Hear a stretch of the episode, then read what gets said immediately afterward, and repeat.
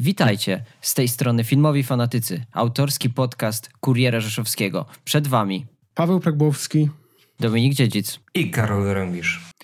2020 w mojej opinii nie rozpieszczał nas zbytnio filmowo. Wiadomo, pandemia, przesunięte premiery, wiele premier niestety nie mogliśmy zobaczyć w kinie, w ogóle nie mogliśmy bardzo długo chodzić do kina.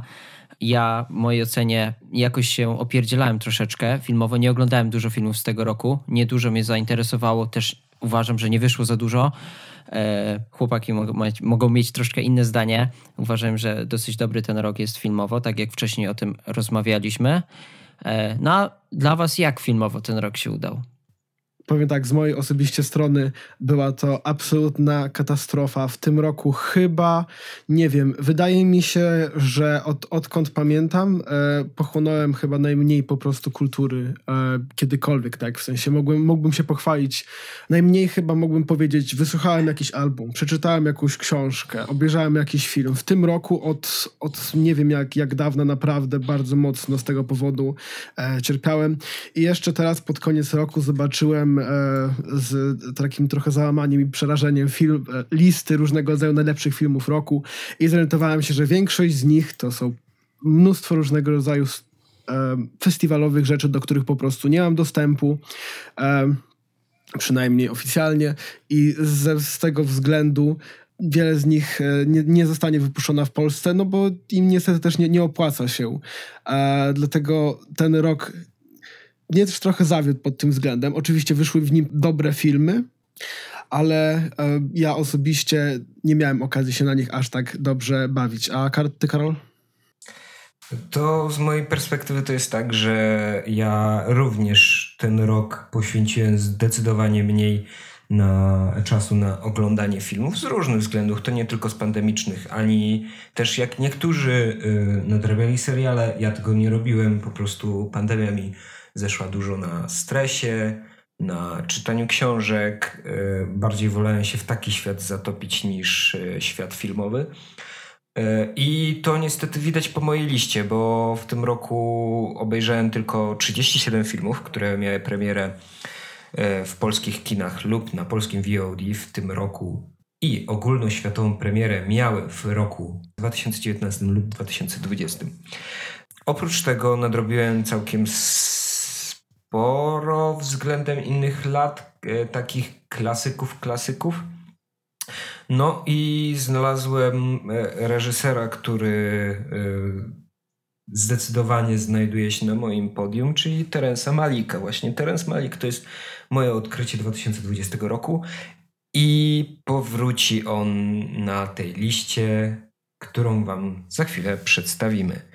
To może panowie zacznijmy od honorable mentions, czy inaczej honorowych wspominek, waszych wyróżnień, które chcielibyście wskazać w tym roku, a później przedstawimy swoje top piątki. Moim wyróżnieniem e, jest posesor za nową jakość brutalności e, i dyskomfortu na ekranie. Niesamowicie źle mi się było przy scenach, e, po prostu tych makabrycznych scenach, także, a jednak, żeby mi takie coś się podziało, to, to musi być coś e, ostrego, więc niesamowicie to doceniam. Odwagę też e, reżysera, ale jednak nie zmieściło się do, do mojej piątki, bo po prostu jakoś, jakoś po prostu inne filmy uderzyły bardziej w moją wrażliwość, ale przyglądam się Brandonowi Cronenbergowi teraz uważniej. To z moich e, osobistych, e, również bardzo krótkich e, honorable mentions został film Kajillionaire, który naprawdę bardzo mocno mną, mną wstrząsnął i naprawdę będę się teraz nad nim rozpływał, ponieważ jest to film dosyć, nazwijmy to, nietypowy. Jest podzielone zdanie na temat tego, jaki jest poziom jego humoru. E, I on na pewno nie będzie odpowiadał wszystkim, ale po prostu wewnętrznie związałem się z tym filmem na jakimś tak głębokim i bardzo mocnym poziomie, że żałuję, że, że nie mógł z pewnych powodów znaleźć się na, na, mojej, na mojej właściwej e, liście. Historia, która jest tam przedstawiona tak nie wiem, czuję, że mnie po prostu odzorowuje i z tego powodu wylądował e, jako film rekomendowany w tym roku. Mam nadzieję, że e, mam nadzieję, że niedługo otrzyma właściwe szersze, e, szersze i bardziej popularne, popularne wydanie, na przykład w Polsce, bo po prostu myślę, że warto go zobaczyć przynajmniej raz, żeby wyrobić sobie zdanie na temat humoru, który tam jest i ewentualnie wracać do niego, do niego nigdy, nigdy później. A jeżeli ktoś czuje się z nim specjalnie związany z tematyką, która tam jest, to na tym filmie naprawdę można się popłakać, moim zdaniem. Zaznaczmy jeszcze, że e, Kajillionaire oficjalnie polskiej premiery nie ma. To jest film z tego roku, ale wyszedł on tylko w USA i pewnie w jakichś pojedynczych krajach e, trzeciego świata typu Kanada, a po prostu można było go obejrzeć na American Film Festival w tym roku, który był połączony z festiwalem Nowe Horyzonty. Tak, e, tak, dokładnie i więc ja trzymam kciuki za to, że będzie jakaś właściwa, pełna polska dystrybucja tego filmu, co, co jest wątpliwe, ale szczerze po prostu mam na to, na to nadzieję i mam nadzieję, że e, będę w stanie go oglądać w pełnej e, krasie wielokrotnie. E, to jest po prostu mój tylko i wyłącznie osobisty pik, który nie wiem, czy spodoba się większej ilości osób, ale dla mnie się to nie liczy. To tak, moja ławka rezerwowa, tudzież honorable mentions, honorowe wspominki, wyróżnienia. Jak zwał, to zwał. Y, po prostu siedem filmów, które bardzo chciałbym, żebyście na nie zwrócili uwagę, ale nie znajdą się w tej top piątce, bo oczywiście top piątka to są filmy, na które zwracajcie uwagę najbardziej. I e, co prawda wspomnę o częściach, o części z nich tylko wymieniając ich tytuły, a o części po prostu sobie e, troszkę pogadam, więc wybaczcie, jeśli w tym momencie nie, jeśli nie lubicie, e, kiedy wyłącznie ja gadam, to ściszcie głośniki i czekajcie, aż wywiąże się właściwa dyskusja. Więc tak, u mnie na miejscu dwunastym Emma. Emma to chilijski dramat, w którym kobiety emancypują się tańcem. I dlaczego ta Ema znalazła się w wyróżnieniach? To dlatego, że jest tam bardzo odważnie pokazana kobieca seksualność i ogólnie właśnie to, jak jest ta seksualność sprzężona z tańcem, kiedy tak naprawdę kończy się taniec, a zaczyna się seks. I to jest według mnie bardzo ciekawe podejście. Poza tym Emma ma prześwietne zdjęcia. Naprawdę, to są jedne z najpiękniejszych zdjęć, jakie mogliście zobaczyć w kinie w tym roku. I dlatego znajduje się na miejscu 12. Na miejscu 11 przedstawiciel e, kina LGBT, czyli e, Lola. Lola opowiada o transseksualnej e, dziewczynie, która ma trudną relację z ojcem i e, z tym ojcem będzie niestety musiała troszeczkę naprawić swoją relację, bo pojadą razem na e, pogrzeb jej matki. Brakuje mi coraz bardziej w e, kinie takiego typowego filmu drogi. A Lola jest tym filmem drogi bardzo dobrym. W sensie pod tym względem jest właśnie bardzo dobre. I ukazanie charakterów postaci i ich rozmowy, to jak to jest naturalne i w ogóle aktorstwo. Aktorstwo e, głównych bohaterów w Loli jest na niewiarygodnie dobrym poziomie. Serio, to jest jedno z najlepszych aktorskich wyczynów, jakie widziałem w tym roku. Malutki film, ale cieszy. Na dziesiątym miejscu Jojo Rabbit, o którym będziemy mieli okazję wkrótce pogadać przy okazji naszych piątkach. Na miejscu dziewiątym Ukryte życie w reżyserii Terensa Malika. I jak jestem zatwardziałym ateistą, tak opowieść o e, kolesiu, który ze względu na swoją wiarę nie chce dołączyć do armii niemieckiej, jest w stanie wyzwolić we mnie pokłady duchowości, no to to musi być film Terensa Malika. Bo Terence Malik to jest właśnie taki trochę kaznodzieja, który uruchamia we mnie coś, co nie jest żaden inny twórca w stanie uruchomić. W sensie jego filmy to jest to jak taka duchowy, duchowy odpoczynek, jak taka medytacja, gdzie po prostu siedzisz i oglądasz tych ludzi, zmaganie z Bogiem, zmaganie z własną moralnością, zmaganie z moralnością innych ludzi. Jest ci tak trochę błogo, tak masz ochotę po prostu rzucić to wszystko i zostać mnichem w górach.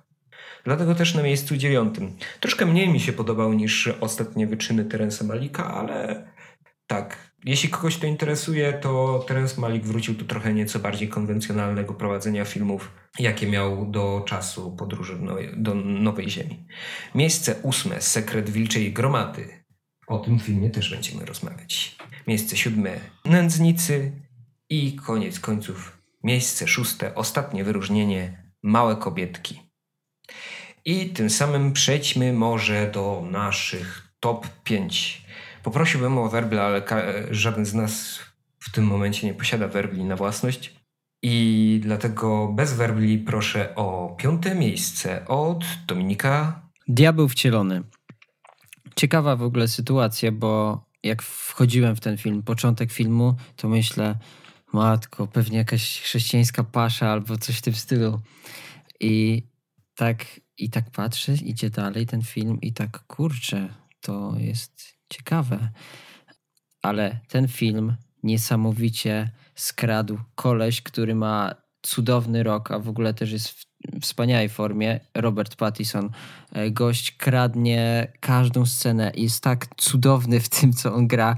E, rola właśnie pastora to jest, to jest złoto jakieś. Ja byłem zaczarowany. Jak tylko on się pojawił na ekranie, to po prostu wiedziałem, że teraz się muszę na pewno skupić, bo żeby nie stracić każdej sceny z nim to normalnie co się działo. A y, oczywiście Tom Holland też jak najbardziej y, powiedzmy dotrzymał mu kroku.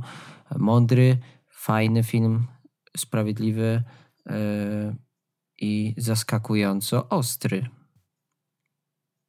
Mnie bardzo zaskakuje to, co mówisz, że wydawało ci się, że ten film jest trochę chrześcijańską paszą. Bo nie czytałem on... o nim w ogóle, nie wiedziałem o czym to jest tak okay, naprawdę. Okej, spoko. Znaczy, może przez kilkanaście pierwszych minut, ale wydaje mi się, że on od początku ostro zaznacza to, że to nie jest taki jakiś pierdu-pierdu E, chrześcijańskie, musisz być dobry, musisz być e, prawowitym obywatelem, musisz być dobrym katolikiem, tylko właśnie tam pokazuje, że zło złem zwycięża i to jest taka wręcz powiedziałbym antychrześcijańska pasza. Bardzo ciekawy film, ja go miałem jeszcze do niedawna w, swojej top piątce, ale niestety znalazły się filmy, które się okazały od niego znacznie lepsze i wypchały go ostatecznie nawet z mojej tabeli wyróżnień. Aczkolwiek tak, ja chyba nawet bardziej niż Roberta Pattinsona jestem zachwycony rolą Toma Hollanda, bo wydaje mi się, że jako główny bohater to on udźwignął tą rolę przespaniale. A Pattinson mi się momentami wydawał troszkę jednak przerysowany. Ale tak, zgadzam się jak najbardziej, że Pattinson jest w e, idealnej formie. Pawle, twoje miejsce numer 5. Na moim piątym miejscu załapały się, e, w przeciwieństwie do twojej listy, Karolu, małe, e, małe kobietki. Film Grety e, Gerwig. Małe, małe kobietki. Małe, małe kobietki. I teraz dlaczego się w tym miejscu znalazł? Ponieważ jest to po prostu dobry film, który jest, nie wiem, nie, nie wiem, na ile jest dobrą in, e, interpretacją i na ile jest dobrą adaptacją.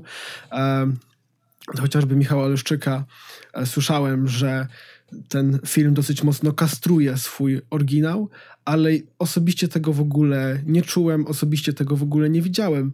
Po prostu cieszyłem się postaciami, które miałem okazję oglądać na ekranie. Cieszyłem się relacjami, które przeżywają. Też pojawia się tam parę, moim zdaniem, całkiem ciekawych zabiegów, zabiegów narracyjnych czyli jest trochę zamieszanie z tym, które momenty przydarzają się bohaterce, która pisze książkę Małe Kobietki, a które z nich pojawiają się w samej e, powieści, co również jest, e, e wychodzi na to, jest podobne jest do pewnego stopnia odzorowaniem e, sytuacji, w której autorka książki również dopisywała tam różnego rodzaju wydarzenia ze, ze, swojego, e, ze swojego życia, co moim zdaniem jest zrobione naprawdę poprawnie, naprawdę dobrze i to jest film, który wydaje się, że niby nie dzieje się tam nic, nazwijmy to szczególnego, nie ma scen akcji ani nic takiego, ale po prostu ogląda się ludzi i myślę, że to jest w nim po prostu najlepsze. To tak, to ja do tego filmu mam szczególnie sentyment, bo to był ostatni seans w kinie w tym roku e, dokonany przeze mnie. Później właśnie w czasie pandemii nadrobiłem ten klasyk Louis May Alcott, czyli pierwszą część małych kobietek i uważam, że w przeciwieństwie do Leszczyka została pięknie nakreślona impresja tego, jak Alcott pisała, co, e, jakie ciepło miała do bohaterów i za ten film właśnie, e, za to ten film właśnie cenię, za ciepło do bohaterów, za budowanie charakterów, którym chcemy po prostu kibicować. I to jest taki film, który ma, ma też, myślę, mm, trochę taką wartość dydaktyczną i jeśli kiedykolwiek będę miał córkę, E, to z chęcią bym jej ten film na pewnym etapie e, dojrzewania pokazał. Tak, bo to jest bardzo dobry film. I tyle o moim do tej pory miejscu szóstym. Czas na moje miejsce piąte i teraz zaczynają się filmy, które nie są w żaden sposób ciepłe, nie są w żaden sposób przyjemne. To są twarde skały, które e, po prostu was mogą zmiażdżyć i taką pierwszą twardą skałą czyli moim miejscem piątym jest Nasz Czas w reżyserii Carlosa Reygadasa. Trzygodzinny film o dekonstrukcji małżeństwa, w które y, przychodzi kryzys. Tym kryzysem jest ten trzeci, ten trzeci, który tworzy trójkąt romantyczny z jednej strony, a z drugiej strony jest takim trochę przeszkadzaczem, z drugiej strony takim pomagaczem w tej relacji i jejku, ten film jest dziwny, bo na samym początku ja zupełnie w niego nie, wesz, nie wszedłem. Początek jest pięknie nakręcony, ma jakieś przesłanie, bo on się zaczyna w ogóle e, sceną, gdzie mm, małe szkraby i troszkę większe szkraby, czyli nastolatki, bawią się na takich e, małych jeziorkach błotnych. I tak kompletnie mnie to nie wciągnęło. I już myślałem, czy aby nie dać sobie siana z tym filmem, ale myślę sobie, to trwało jakieś 15 minut. Poświęcę mu kolejne 15 minut. Cudowne sceny e, z bykami, które są kręcone w niesamowity sposób. No ale nadal mnie to nie za bardzo wciągnęło. Dopiero ten film tak naprawdę odkrywa swoją moc około 40 kilku minut. Więc tak, trzeba wytrwać dopiero 40 kilka minut, żeby zaczęło się odpowiednie mięso. Ale jak się już zacznie odpowiednie mięso, tak, ja jestem kupiony tym filmem całkowicie. On nie ma typowej, jakbyśmy mogli powiedzieć, fabuły. Znaczy, można tam skupić się tylko na śledzeniu głównego wątku i starania się rozwikłania zagadki, ale myślę, że dużo ciekawszą formą odbierania tego filmu jest jak patrzenie w lustro. W sensie każdy detal, każdą wadę, którą w sobie widzisz, możesz dostrzec w tym filmie. Każdy moment, kiedy byłeś zazdrosny, każdy moment, kiedy byłeś chciwy, możesz dostrzec w tym filmie. Każdy moment, który y, po prostu był dla ciebie jak przykazanie komuś ofiary. Możesz dostrzec w tym filmie i dlatego możliwe, że on nawet powinien się znaleźć na moim miejscu pierwszym.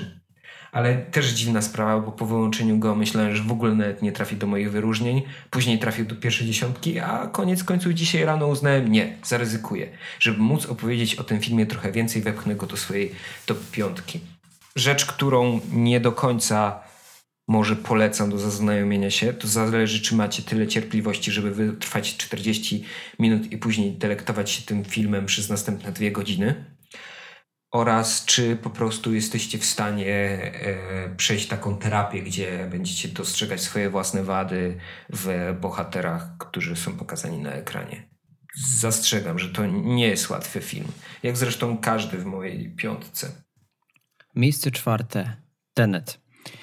E, Nolan e, według mnie po prostu troszkę umilił mi ten rok. E, ja bardzo czekałem w ogóle na ten film. Denerwowałem się, że kurczę, że przekładają go tak, to żeby, żeby kin nie zamknęli, żeby, żeby mógł go w kinie obejrzeć, bo nie oglądanie go w kinie to słabo by było. Tak, Robert Pattinson bardzo, bardzo dobrze zagrał. Nie mam kompletnie zarzutu. Nie znałem kompletnie wcześniej e, Johna Davida Washingtona, ale zrobił również pozytywne raczej na mnie wrażenie. Pattinson e, go zdominował. Wiadomo, Nolan troszeczkę za bardzo przeszarżował, pobawił się, e, tak jakby napisał po prostu na tablicy coś swoim, swoim po prostu jakimś języku i przeczytajcie to, może zrozumiecie, a jak nie, ja, ja się świetnie bawię, ja, się, ja to wszystko rozumiem, ja się w tym odnajduję no wiadomo, że jak się pierwszy raz to ogląda, to jest takie, co się dzieje, jak to działa w ogóle.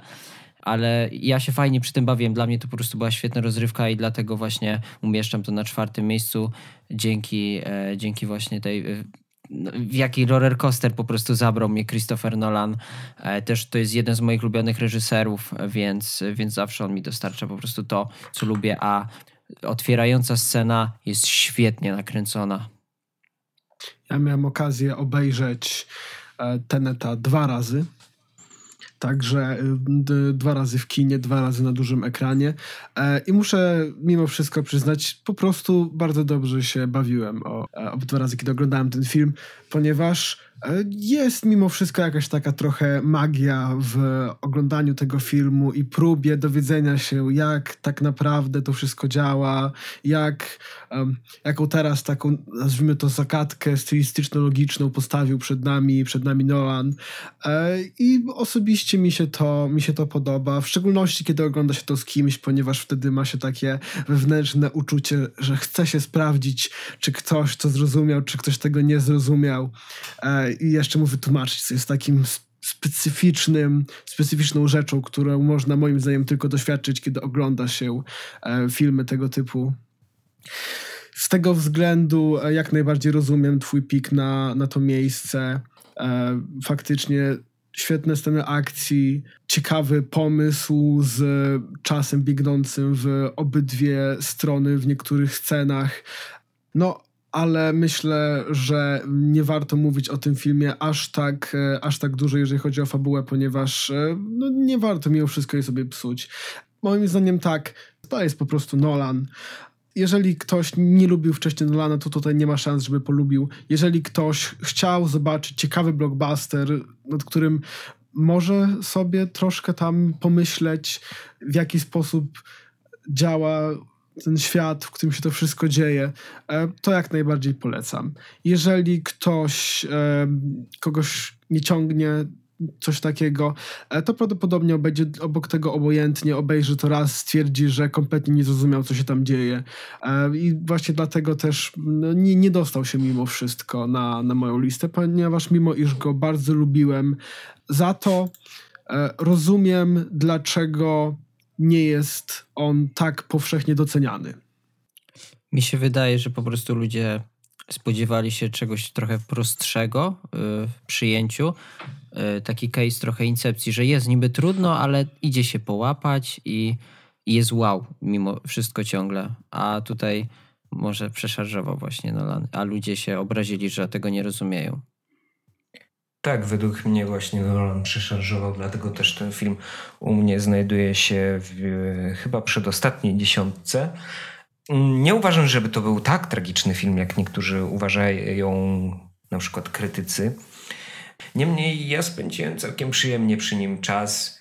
E, uważam, że tak, Nolan przeszarżował, ale nie, to nie jest ze względu na to, że to jest trudne, tylko jak bardzo zawierzył swojemu pomysłowi, bo to tak to jest taka trochę sztuczka magiczna, która y, działa tylko raz. Znaczy, ten film jest e, ciągnięty na, jednym koncepcji, na jednej koncepcji, a ta koncepcja wydaje mi się zbyt racjonalnie jest potraktowana i w ogóle cały film jest tak zbyt poważnie jest traktowany. No bo pomyślcie sobie, ile znacie filmów o podróżach w czasie, które albo o podróżach w czasie, albo o zabawach z czasem, które traktują się aż tak poważnie, jak traktuje się Tenet. No ja nie jestem w stanie wy, wymienić żadnego.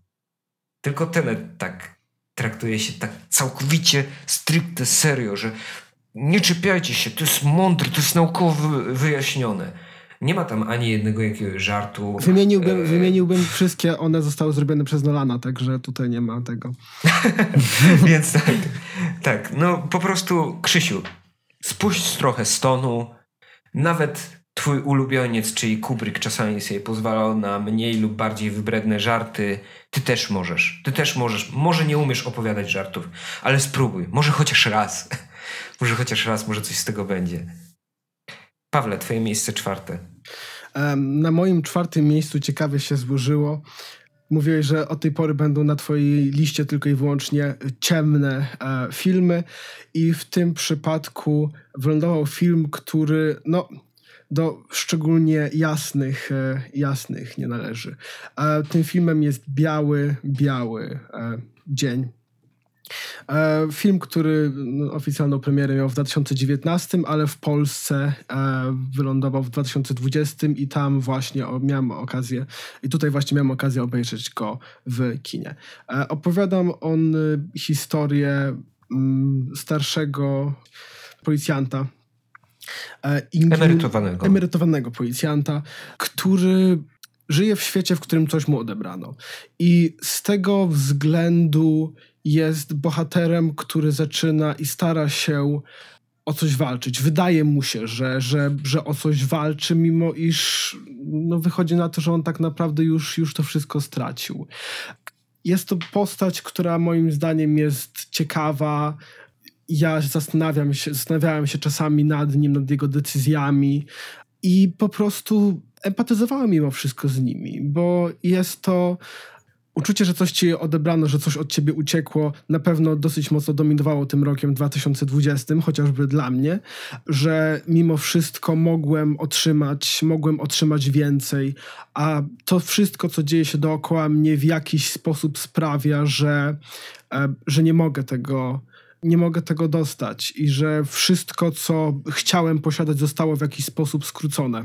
Z tego względu, mimo iż ten bohater w którymś momencie zaczyna, nazwijmy to, pojawiają się wątpliwości wobec jego moralności, ciężko jest z nim nie empatyzować, ciężko jest nie wczuć się w to, co on, e, w to, co on robi. I przynajmniej w tym wszystkim przez, przez moment pomyśleć sobie, czy ja nie zrobiłbym czegoś podobnego, e, gdybym został tak potraktowany.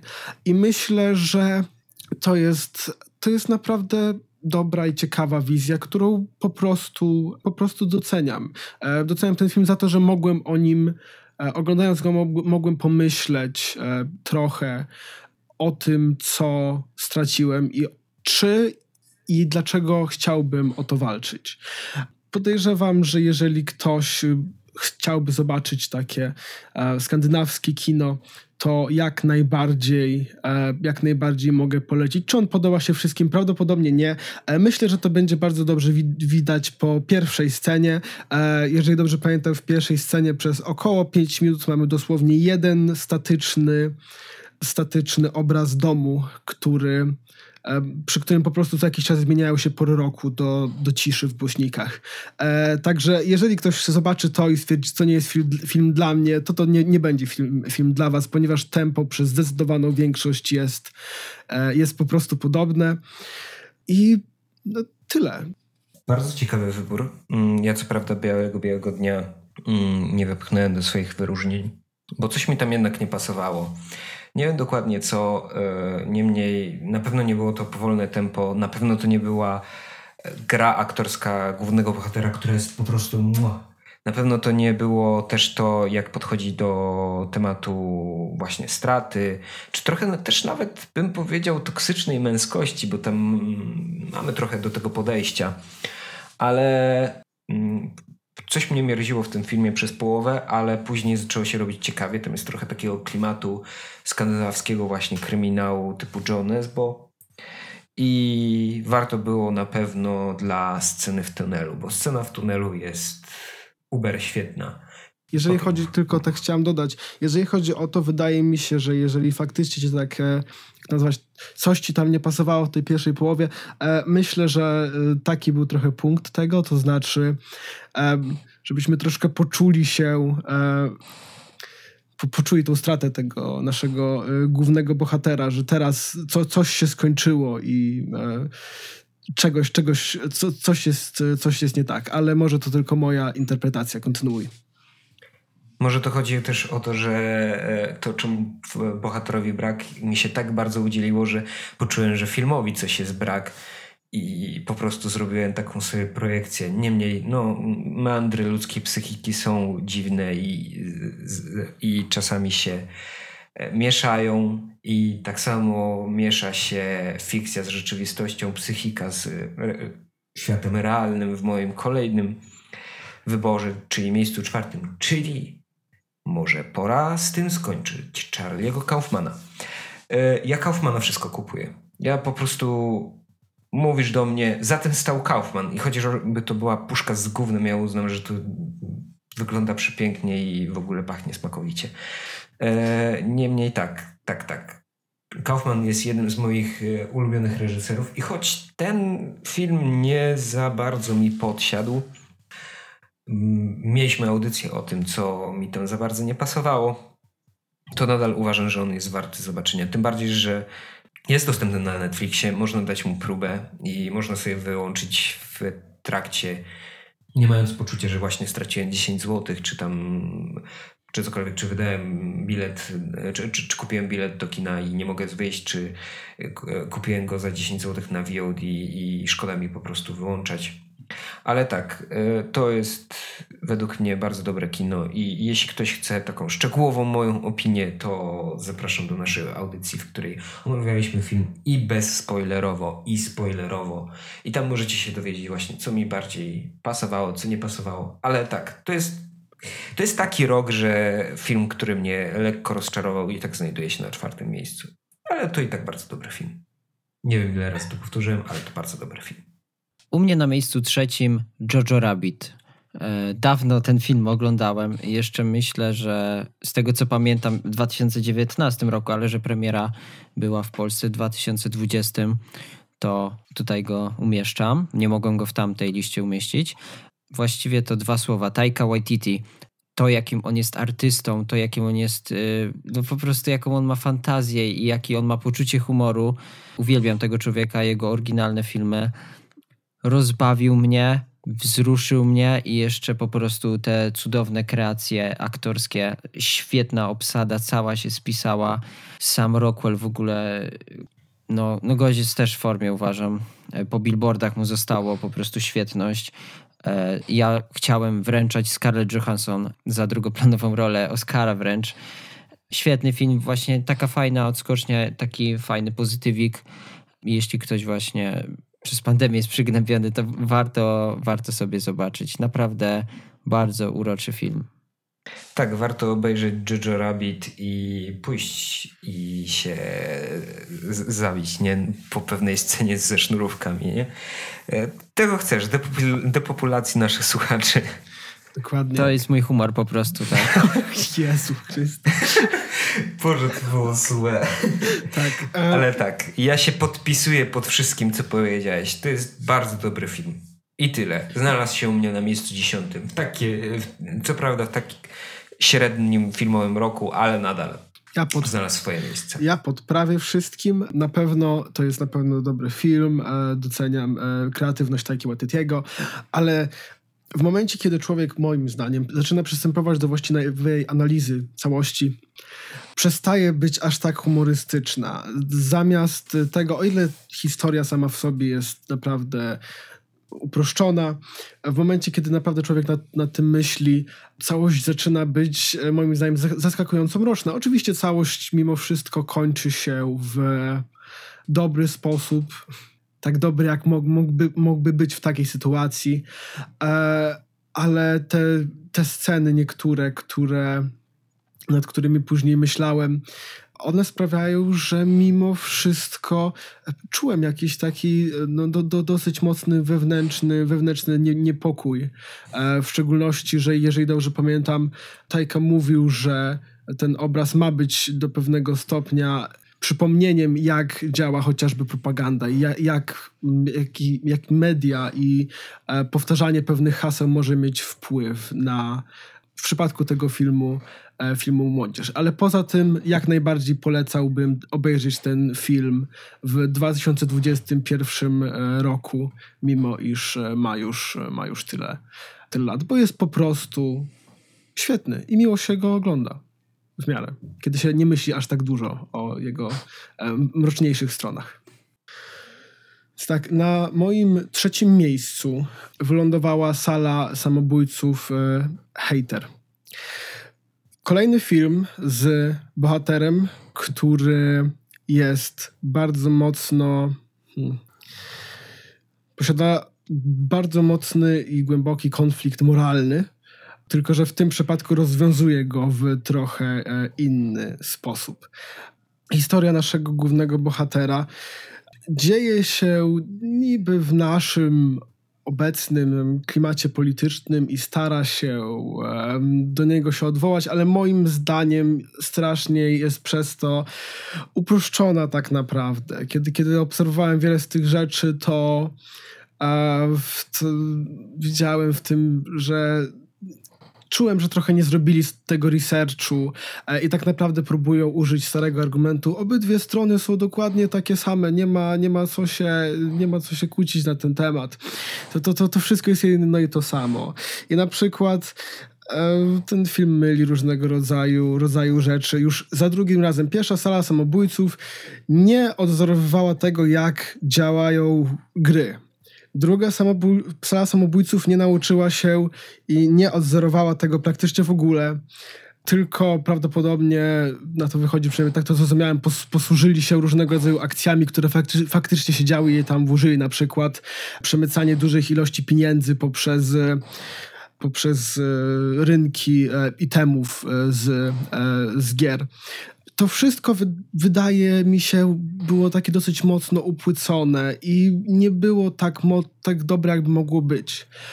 Ale mimo tego wszystkiego, naprawdę moje serce biło, kiedy oglądałem niektóre sceny tego filmu. Naprawdę czułem strach po prostu w niektórych momentach. I z tego względu on po prostu tutaj musiał, musiał wylądować, bo to jest po prostu dobry polski film e, i, i będę go za to doceniał.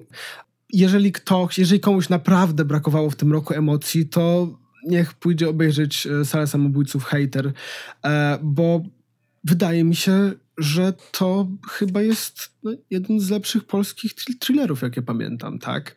Albo przynajmniej balansujący na tej, e, na tej granicy.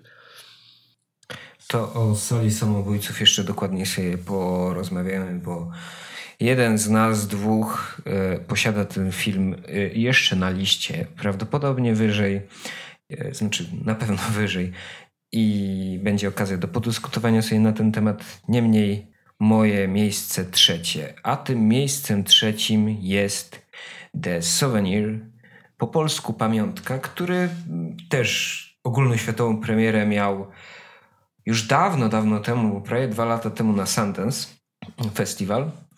Rok temu wyszedł na Kanal Plusie do dystrybucji ogólnej w Polsce na VOD. I co ja mogę powiedzieć o tym filmie? Jeśli jest jakiś film, który. Bo tak jak właśnie trochę. E, to, trochę można zaznaczyć takich paraleli pomiędzy naszym czasem a pamiątką, bo oba mówią trochę o dysfunkcjach w związkach i oba są takimi ciężkimi kolocami, chociaż e, pamiątka jest znacznie krótsza, bo tam trwa niecałe dwie godziny.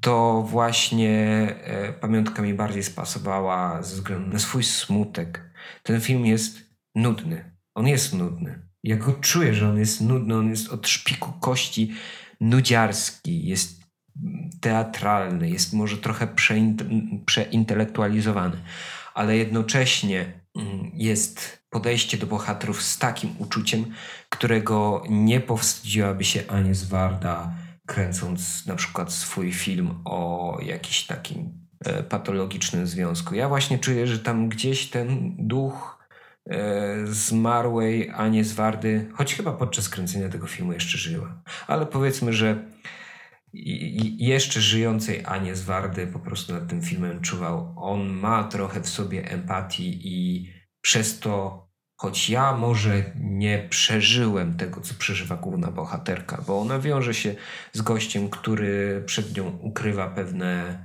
swoje patologiczne zachowania. Tak, ja jestem z nią w stanie kompletnie empatyzować, kompletnie zrozumieć, co ona czuje E, dlaczego ten związek wygląda jak wygląda, co się po prostu w nim dzieje. Dla mnie ten film trafił na miejsce trzecie właśnie ze względu na to podejście do bohaterów. To jest naprawdę, to jest taka szaruwa, ale bardzo piękna. Mało poetycka, mało wysublimowana, ale bardzo piękna. Slice of life. Miejsce drugie, Nędznicy. To jest idealny film na 2020 rok. Bardzo współczesny film, bo tak, mamy tam streetwear, czyli tam wszędzie te Nike, te wszystkie Adidasy, Lesse, te dzieciaki, które właśnie e, latają w takich ubraniach, te smartfony, robienie zdjęć, jakieś Snapchaty, Instagramy, a z drugiej strony rasizm, zamieszki jakieś e, społeczne, po prostu jak to jest we Francji, no jednak tam te niektóre powiedzmy niemalże prawie e, getta, tak, tak po prostu ten realizm, ja po prostu poczułem, że tam byłem normalnie, że po prostu chodziłem razem z tymi policjantami. Też bardzo dobrze mi się kojarzy ten film e, z powiedzmy podobną konwencją jak Dzień Próby. Dzień Próby był świetny. Tutaj właśnie, y, właśnie wielu podobieństw. To, co robi Alexis Manetti jako Chris, to jest, to jest świetne. Gość jest po prostu jest tak realistyczny w tym, jakby na, naprawdę, no jakby całe życie próbował, trenował do roli po prostu bycia takim bezwzględnym policjantem i twardym. Y, scena na przystanku jest po prostu moją chyba ulubioną e, na, przy całym filmie. Y, ten brzydki tako Hemingway mi się nie do końca podobał, czyli właśnie Stefan Ruiz. E, jakiś taki niewiarygodny był w tej trochę roli, taki jakiś e, nijaki, ale to naprawdę jest niewielki minus. Brutalność, też po prostu no, no, świetny, współczesny film, tak właśnie. To jest w końcu taki współczesny film, którym się mogą zachwycić. Dodajmy, że bardzo aktualny, mając pod uwagę strajki kobiet, bo tam można przy, by przyłożyć tą e, sytuację, która się odbywa w Polsce, gdzie policja trochę nadużywa praw do właśnie do tego filmu, gdzie też policja nadużywa praw. E, bardzo ciekawy policyjny film ogólnie. Mm, I dlatego też u mnie znalazł się tam w wyróżnieniach tak, ja go bardzo lubię. Uważam, że e, co prawda nadal Francja powinna wystawić portret kobiety w ogniu do wyścigu po Oscary, ale nie dziwię się i tej nominacji, i nominacji do Oscara nieanglojęzycznego w zeszłym roku. Więc tak, na moim drugim miejscu znajduje się film Posesor. Posesor to jest e, moim zdaniem całkiem ciekawy od samego zalążka e, koncept. Mianowicie jest to świat, w którym e, technologia, która dzisiaj w sumie e, dojrzewa, czyli e, może się zaczyna, technologia panowania mózgu nad rzeczami elektronicznymi i w drugą stronę panowania elektronicznymi urządzeniami nad ludzkim mózgiem. I lądujemy w roku, który wydaje mi się całkiem zbliżony i podobny do, do naszej rzeczywistości. To nie jest e, przyszłość bardzo oddalona od nas, tylko oczywiście... Znaczy, z... przynajmniej ja to odczuwam jako taką alternatywną rzeczywistość odsuniętą może o 2-3 lata od nas. Tak, dokładnie. Możliwe, że tak jest, bo chyba nawet Brandon w jednym z wywiadów tak mówił. Jest to mm, moim zdaniem całkiem e, ciekawa, ciekawa sama, sama idea, w której grupa zabójców e, hakuje e, czyjś mózg e, po to, żeby następnie dana osoba mogła kogoś zabić, już jest po prostu interesująca. To, w jaki sposób ta praca też niszczy i naraża ich ciała i, i psychikę. Cały ten obraz, który jest tam przedstawiany, mimo wszystko czułem cały czas, że to wszystko mogłoby się wydarzyć, że może nie teraz, ale być może będę miał okazję żyć w rzeczywistości, w której różnego rodzaju wypadki e, podczas próby odczytywania e, myśli i innych tego typu manipulacji będą po prostu e, na porządku dziennym. I nawet bez tego jest to pewnego rodzaju komentarz na temat współczesnej kultury pracy, na temat współczesnej e, kultury, może też trochę, może, może nie mediów, bo tam mediów nie ma, e, nie ma tak dużo, ale tego, w jaki sposób e, ludzie próbują zachować samych siebie w tym, w tym świecie. Swo, swoich, swoje ja w jaki sposób my wszyscy próbujemy, mimo tego napływu technologii, zostać sobą. Myślę, że nasz główny, nazwijmy to, czy można go nazwać głównym bohaterem? to, co mówi czasami e, postać, e, po prostu, że, żeby, żeby nie, nie mówić zbyt dużo, to, co mówi czasami e, pewna postać dosyć mocno to odzorowuje. Warunki, w których pracuje i to, w jaki sposób stara się wychodzi na to zademonstrować i, i zachować w jakiś sposób, jakiś sposób siebie. I nawet bez tego jest to po prostu ponownie dobry thriller. Ogląda się go, zastanawiając się, co się zaraz stanie, w momencie, w którym wróg może kryć się w każdym, w każdym ciele, stąd hasło, które mi się wydaje trochę zabawne, nobody is safe, e, ale ciekawy pan tutaj, e, tutaj zapadł. Po prostu świetnie się e, ogląda go w, w, takiej, w takiej postaci. Dlatego wylądował u mnie na aż, e, aż tak wysokim miejscu i dał mi trochę do myślenia i dał mi dobrą rozrywkę ze swoim konceptem. Wow, że u ciebie dał, że, że tobie dał dobrą rozrywkę ten film. Mm.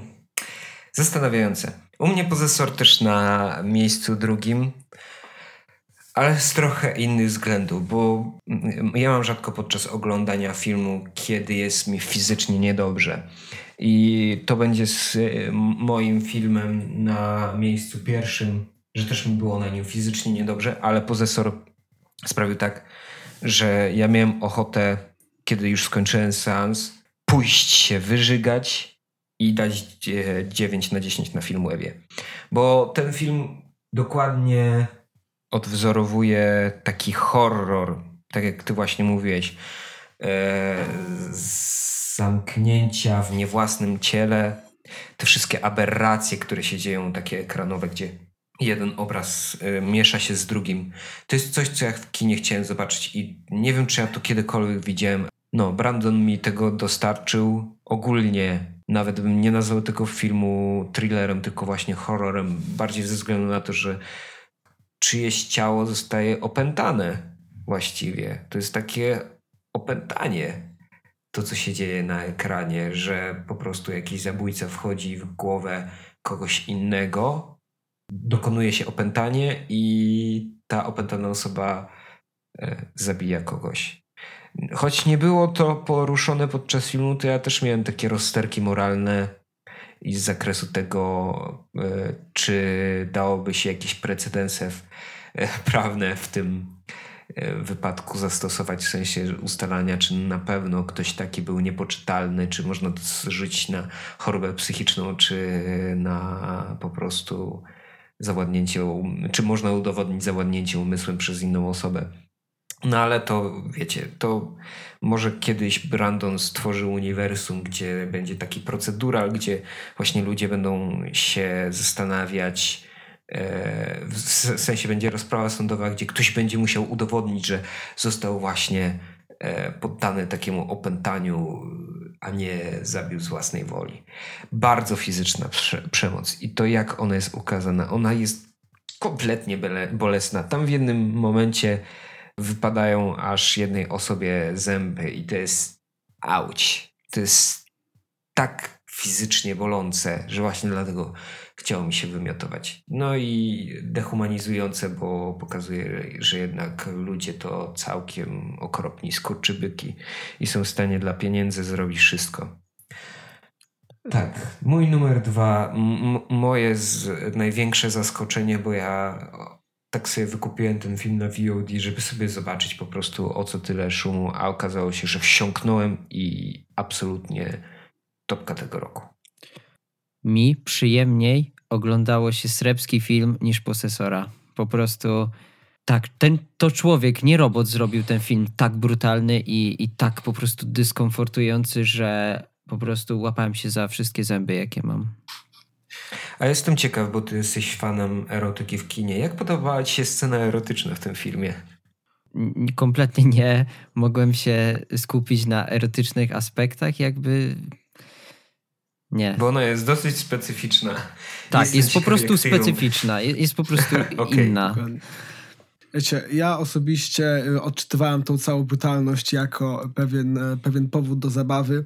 E, powiem tak, jeżeli jest film, w którym muszę przypominać sobie aktywnie, że spokojnie to jest tylko film, e, to znaczy, że jest to film dobry. I tutaj było rzeczywiście parę momentów, podczas których po prostu musiałem sobie, musiałem sobie to przypomnieć.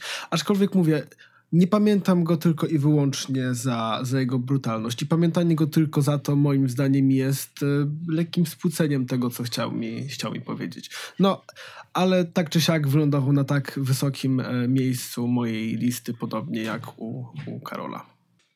To teraz przechodzimy już do naszych osobistych filmów roku. I ponownie przydałyby się werble, ale nikt z nas ich nie posiada na własność, więc Dominiku, bez werbli, zaprezentuj swoje miejsce pierwsze. 360, znaczy, to znaczy sala samobójców hater, tak jak wcześniej mogliście się też domyślić. Mateusz Pacewicz, ja po prostu gościa uwielbiam. Po Bożym Ciele ja zakochałem się w jego scenariuszu, to w jaki sposób on pisze. Y, no, buduje historię, wszystko, wszystko co jest związane z Pacewiczem. W ogóle współpraca jego z Komasą to ja uważam, to jest najlepszy duet y, aktualnie w Polsce, który robi filmy. E, ciężko mi po prostu sobie też w wcześniejszych, poprzednich jakichś latach kogoś e, narzucić, kto by tak się we dwoje dobrze dogadywał. Czego pierwsze miejsce? Za to, jak no po prostu musiałem kibicować te, głównemu bohaterowi. Nie powinno teoretycznie się mu za bardzo kibicować, ale ja musiałem mu to kibicować po prostu. Tak, y, tak jak wcześniej powiedział, jeśli chodzi o gry komputerowe, to jakby dalej sala samobójców nie umie w gry, ale to mi nie przeszkadzało, bo było coś, co bardzo lubię.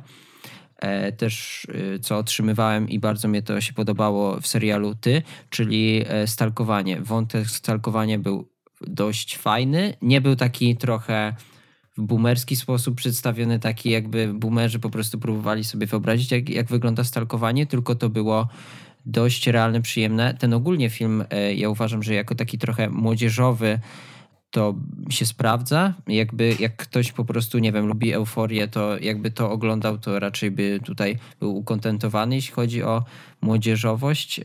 Y, ja też po prostu doceniam to, że za pewną odwagę e, ten film, e, wiadomo jak, jak, się, jak się tam końcówka po prostu, co się w niej dzieje, jakie jest zakończenie. Fajnie się po prostu też patrzyło na Vanessa Aleksander. Tak jak wspomniałem wcześniej, Maciej Musiałowski, super w ogóle, no, gość się mi przedstawił jako aktor bardzo ciekawie. Mm, Maciej Sztur na jakimś tam tym swoim ok poziomie. E, jako dealer po prostu to jest mój ulubiony gatunek filmowy, więc e, ja, ja miałem taki e, dzień, bo ja pracuję w kinie i pamiętam, że na koniec dnia sobie postanowiłem, że muszę go obejrzeć już dzień po premierze. Miałem mm, pójść dzień wcześniej, ale rozstałem się z dziewczyną i stwierdziłem, no muszę ten film obejrzeć, muszę sobie jakiś humor poprawić i świetnie się na nim bawiłem bardzo, bardzo wszedłem w ten film i, i, bardzo mi się podobało. Także ja dalej czekam, co Janko Masa i Mateusz Pacewicz nam pokażą w przyszłości. E, myślę, że jeszcze sporo dobrego kina. Także to jest takie pierwsze miejsce i nadzieja na przyszłość i bardzo fajnie, że w Polsce takie filmy powstają i oby, oby jak najwięcej takich. To tak, tak jak właśnie zaznaczyłem, trochę będę mógł sobie pogadać przy okazji twojego miejsca pierwszego bo spoiler, hater nie jest moim miejscem pierwszym. Ten film, co prawda, widziałem w tym roku trzy polskie filmy i do każdych mam zastrzeżenia, a już do 365 dni. Największe to hater był z tych filmów najlepszy, mm, choć ja mam zasadniczy problem z tą fabułą, że przede wszystkim tak trochę polega na takim tanim szokowaniu, w sensie to jednak jesteśmy oszukiwani. To jednak wszystko jest jedna strona. Moja siostra do tej pory ma takie momentami zastanowienia, czy to na pewno pisze ktoś, czy to pisze jakaś agencja hejterska, nie? I, i, ja po prostu uważam, że takie tanie szokowanie to nie dla mnie i niestety ten film, oprócz właśnie takiego taniego szokowania i kilku wybitnych scen, bo naprawdę niektóre inscenizacyjnie są pokazane świetne, świetnie. No i Maciej Musiałowski, który jest yy, no, gość w tym momencie zagrał najwybitniejszą rolę, jaką widziałem w tym roku, a widziałem chyba prawie 200 filmów.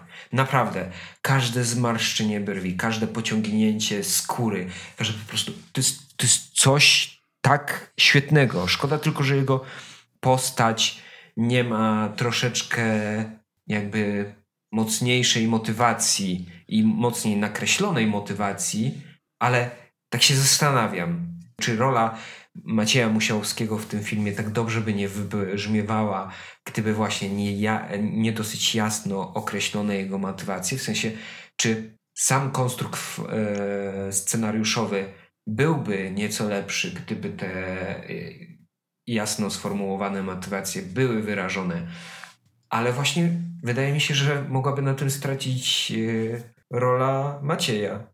Tak. E, niemniej, tak jak napisałem w mojej króciutkiej recenzji na Filmwebie 160 znaków, e, poświęcicie 3 sekundy, żeby to przeczytać. To jest dla mnie, e, albo ja wam teraz streszczę, to jest dla mnie lepszy Joker niż Joker faktycznie był. I tak, bardzo fajny film, ale nie uważam go za jakiś wybitny. Więc ja już się na moment wypowiadałem o, o hejterze, um, o tym, co o nim lubi, o nie lubię, ale przede wszystkim jest to film, który um, mnie dosyć mocno mimo wszystko mimo wszystko przybija, tak? W sensie przekonuje mnie, że całe zło świata istnieje i dzieje się w Polsce i że tacy czuję mimo wszystko strach przed tym, że tacy ludzie faktycznie istnieją, bo ja wiem, że oni istnieją. E, osoby, które podjęły się każdych najmniejszych, e, najmniejszych chwytów, żeby dostać się na, na stanowiska, na które chcieli się dostać. I ty, to wydaje mi się naprawdę e, chyba właściwa, właściwa wiadomość tego filmu. Dlatego właśnie moja moje pierwsze miejsce kończy się taką trochę e, nadzieją, bo po prostu chcę mieć nadzieję, że mimo wszystko będzie e, lepiej. Dlatego wygrywa to przetłumaczony dosyć, e, dosyć dziwnie Sekrety Wilczej Gromady film, który we właściwym tytule brzmiał Wolfwalkers. Czy cenię go tak wysoko? Tak, ponieważ dosłownie nie wiem, czy mogę powiedzieć coś aktywnie złego o tym filmie. Ma piękną, skomplikowaną animację, jest to animacja dwuwymiarowa, czym różni się od po prostu większości obecnych animacji, które zaczynają być y, po prostu trójwymiarowe. E, jest naprawdę dobry w swojej stylistyce. W wizualnych nawiązaniach e, dowiedziałem się do różnego rodzaju celtyckich, e, celtyckich rysunków i celtyckich zdobień. To w jaki sposób radzi sobie z postaciami też jest po prostu dobre. I ja go po prostu usiadłem, obejrzałem i wiedziałem, już od samego początku wiedziałem, że będę go lubił. A po obejrzeniu muszę przyznać, że po prostu go pokochałem i będę miał, mam nadzieję, że spotkamy coraz więcej, e, coraz więcej filmów dwuwymiarowych, które będą w stanie wykazać taką odwagą w robieniu swojej własnej, swojej własnej trochę rzeczy. W stwierdzeniu to jest po prostu mój pewien styl, do którego chcę dążyć i dzięki temu e, stał się on moim, e, moim filmem roku. Filmem, na który po prostu czekałem, bo wiedziałem, że on nie będzie zły, a po obejrzeniu jego Myślę, że po prostu nabrałem jakiejś takiej, e, takiej nadziei, że coś, coś może mimo wszystko stać się, e, stać się lepszego. Mam, na, mam nadzieję, że nie zostanie ona zmarnowana, e, ponieważ ten film widzę, że posiada bardzo mało ocen na wszelkich, na wszelkich serwisach. Prawdopodobnie dlatego, że jedyne jego oficjalnie dostępne źródło to Apple TV Plus, serwis, którego chyba bardzo mało osób korzysta i bardzo mało osób za niego płaci. Mam nadzieję, że dali, e, że to studio dostało porządne pieniądze za takie ograniczenie swoich zasięgów i dzięki temu będzie w stanie wykonywać kolejne filmy, być może nawet jeszcze lepszej jakości niż ten. Ale to był mój, mój po prostu film roku. Po prostu coś, co rozjaśniło mi przez, przez chociaż moment ten rok, sprawiło, że chciałem zobaczyć, co się stanie w 2021 i w latach kolejnych. A nie myślałem cały czas o tym, jak bardzo zły jest nasz świat, ponieważ tutaj kolejno w mojej liście. Tracimy tych, którzy, na których nam zależało. Jesteśmy rządzeni przez psychopatów i zbliżamy się ku czarnej przyszłości, w której media i my sami e, kontrolujemy siebie nawzajem. E, I myślę, że to jest taka po prostu ciepła, ciepła nuta na, na koniec. Ja również kocham ten film. W sensie, mm, on się u mnie znalazł na wyróżnieniu, ale uważam, że wszystkie produkcje Cartoon Saloon, a szczególnie filmy Toma Mura są warte e, śledzenia. Nie wiem, czy oglądałeś e, Sekrety Księgi Kells, albo na przykład Żywiciela, czy Song of the Sea e, nazywa się po angielsku, ale tak, to jest środkowy film, który wyszedł przez Cartoon Salon. Oglądałeś czy nie? Nie miałem okazji, sorry, będę musiał nadrobić.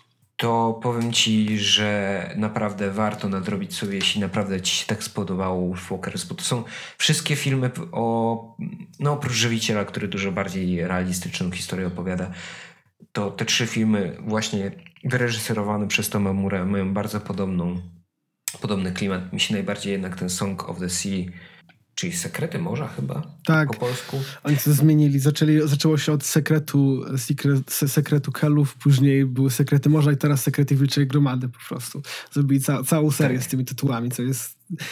Tak, bo to ogólnie jest yy, nazwane przez Toma Mura trylogią y, folkl, yy, folkloru. Więc tak, ja ten film bardzo lubię, dlatego że to jest bardzo wyraźny ekologiczny, takie, ma, ma, bardzo fajne ekologiczne przesłanie. Ma też taki właśnie powrót do natury. Trochę ma coś z Miyazakiego.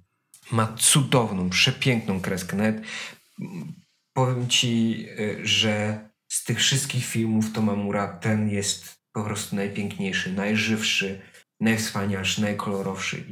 To jest też taki film, który swego czasu może jakiemuś małemu szkrabowi pokazał, więc jeśli macie dzieci, to nie bójcie się, odpalajcie ten film.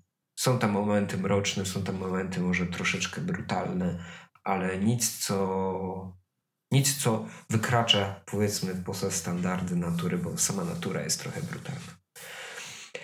I moje miejsce ostatnie, a właściwie pierwsze. Uncut Gems, inaczej nieuszlifowane diamenty. To będzie trochę truizm we współczesnych czasach, ale uwielbiam Adama Sandlera. Naprawdę, jakby autentycznie. Ja uważam, że cały hejt, jaki na niego spłynął, że on jest słabym aktorem i tak dalej. Ludzie, czy wy widzieliście Punch Drunk Love?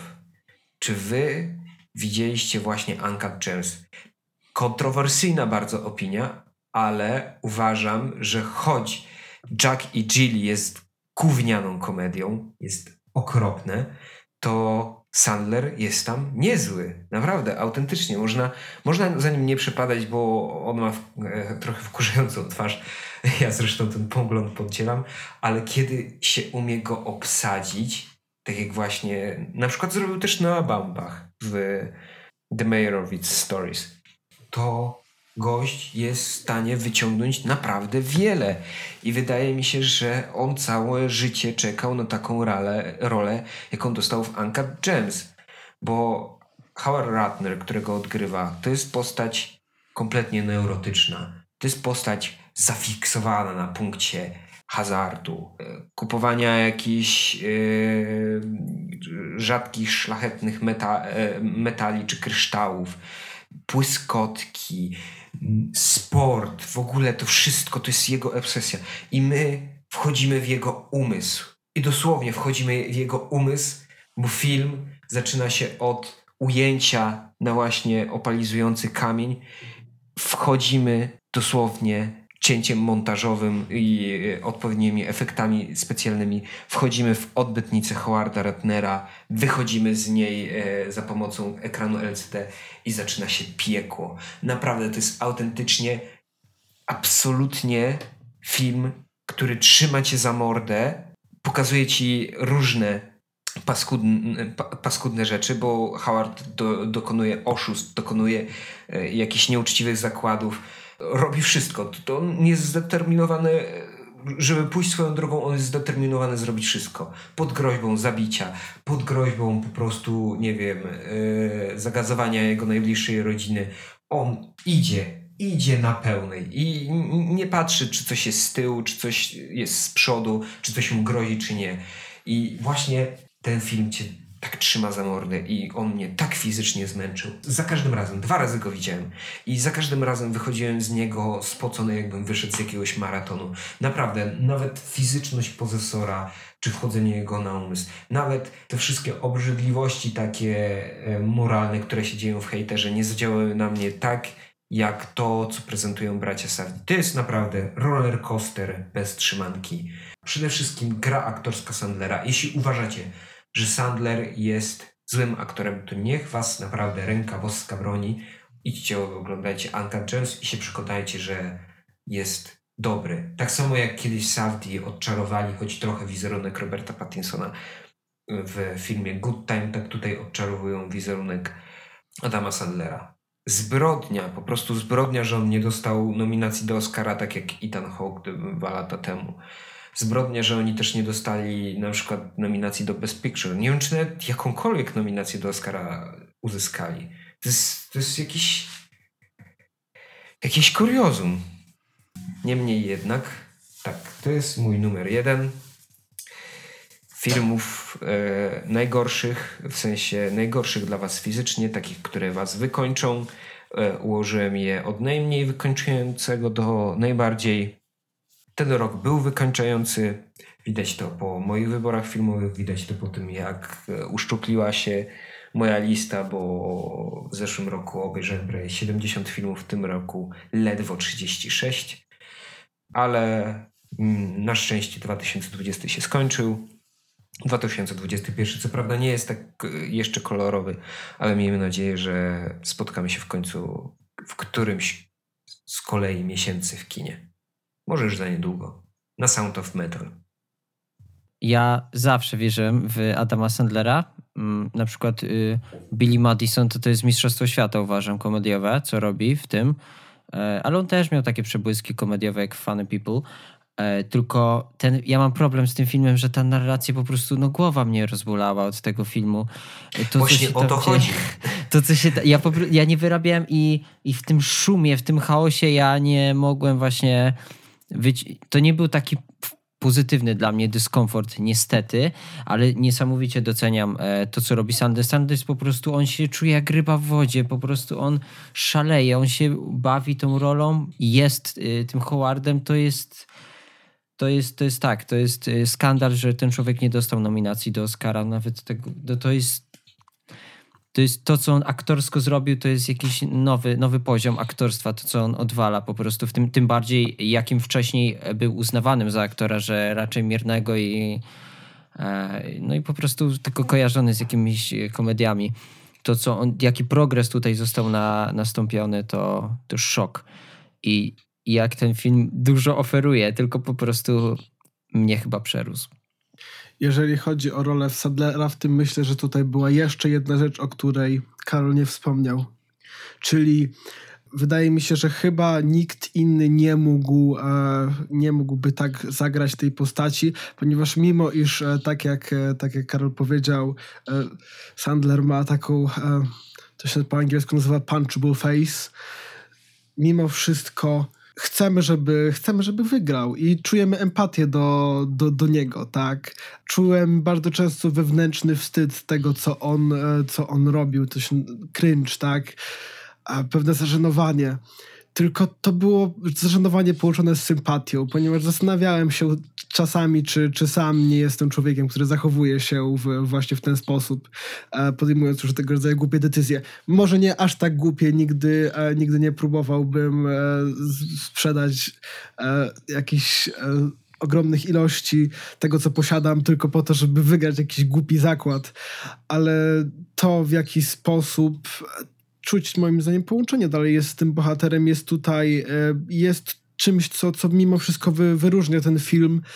Może nawet na, na tle e, tych poprzednich, e, o których, e, o których mówił, mówił Karol, w których moralność bohaterów jest bardzo często mocno kwestionowalna, ale tak, tak kompletnie. Tutaj patrzy się na to wszystko jak na człowieka, który jest po prostu strasznie głupi i łapiemy się za głowę, co on, co on robi, co on teraz odpieprzy, co on teraz wymyśli. I wtedy on robi rzecz, która jest najgorsza, jaką mógł zrobić w tej sytuacji. I to jest najlepszy chyba opis e, skrótowy tego filmu. Myślę, że macie teraz sporo do nadrobienia. To, co zaoferowaliśmy e, Wam, żeby obejrzeć, jest dość różnorodnie. Myślę, że ja takie dosyć popularniejsze tytuły e, oferuję.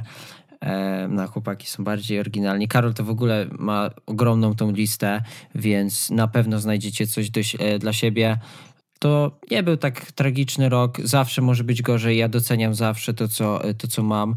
E, był specyficzny. Na pewno będę go wspominał tak, że to był 2020, a jakiś tam 16 z 15 się będzie zlewać i w ogóle to, to jest fajne. Ten, e, no i tak, pod znakiem takiej brutalności, troszkę sadyzmu, nie, niekomfortu, to idealnie jakby się dopasowało też w ten rok, jakby e, twórcy to przewidzieli, że takie coś będzie pasowało w ten rok i będzie się wpisywać w 2020.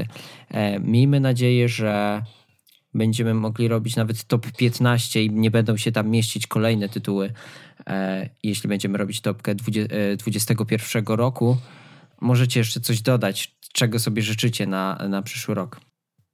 Ja chciałbym, żeby Marvel sobie, e, e, żeby spadł z rowerka i sobie głupi ryj rozbił, bo widać to dokładnie po listach wszystkich ludzi, że nie ma już żadnych Avengersów ani, no, może nawet nie Marvel. Niech cały Disney spadnie z rowerka i sobie głupi ryj rozbije, bo przynajmniej nie ma tych popularnych tytułów na listach ludzi, a docenianie prawdziwej sztuki filmowej, jaką e, zaprezentowaliśmy w tym roku, gdzie te wszystkie listy, no może zupełnie to nie ale przynajmniej częściowo nie pokrywają, e, jest na swój sposób odświeżające i jest bardzo przyjemne. Dlatego ja sobie życzę tego, żeby może mniej wychodziło wielkich tytułów, a więcej, więcej takich małych perek, które będziemy w końcu mogli docenić. Ja szczerze życzyłbym, życzyłbym sobie bardzo, żeby nastąpiła magia i żeby dystrybucja filmów z, między oceanami i między krajami była na tyle prosta, żebyśmy w Polsce mogli otrzymywać o wiele więcej e, dobrego kina zachodniego w podobnym czasie, w jakim otrzymujemy w jakim oni to otrzymują. Bo jak patrzę na to niektóre zapowiedzi filmów i myślę, że one jeszcze nie są w Polsce, i prawdopodobnie część z nich nigdy nie będzie, to to jest po prostu, po prostu skandal. Także chyba wam też e, życzę na ten nowy rok, żeby, żeby Polska mogła filmowo dorosnąć do, e, do odbioru tego typu, tego typu rzeczy. I to jest koniec tego podcastu. Trochę się rozgadaliśmy więcej w porównaniu do poprzednich odcinków. E, także do następnego. Żegnałem się z wami. Paweł Pragłowski. Dominik Dziedzic. I Karol Rębisz.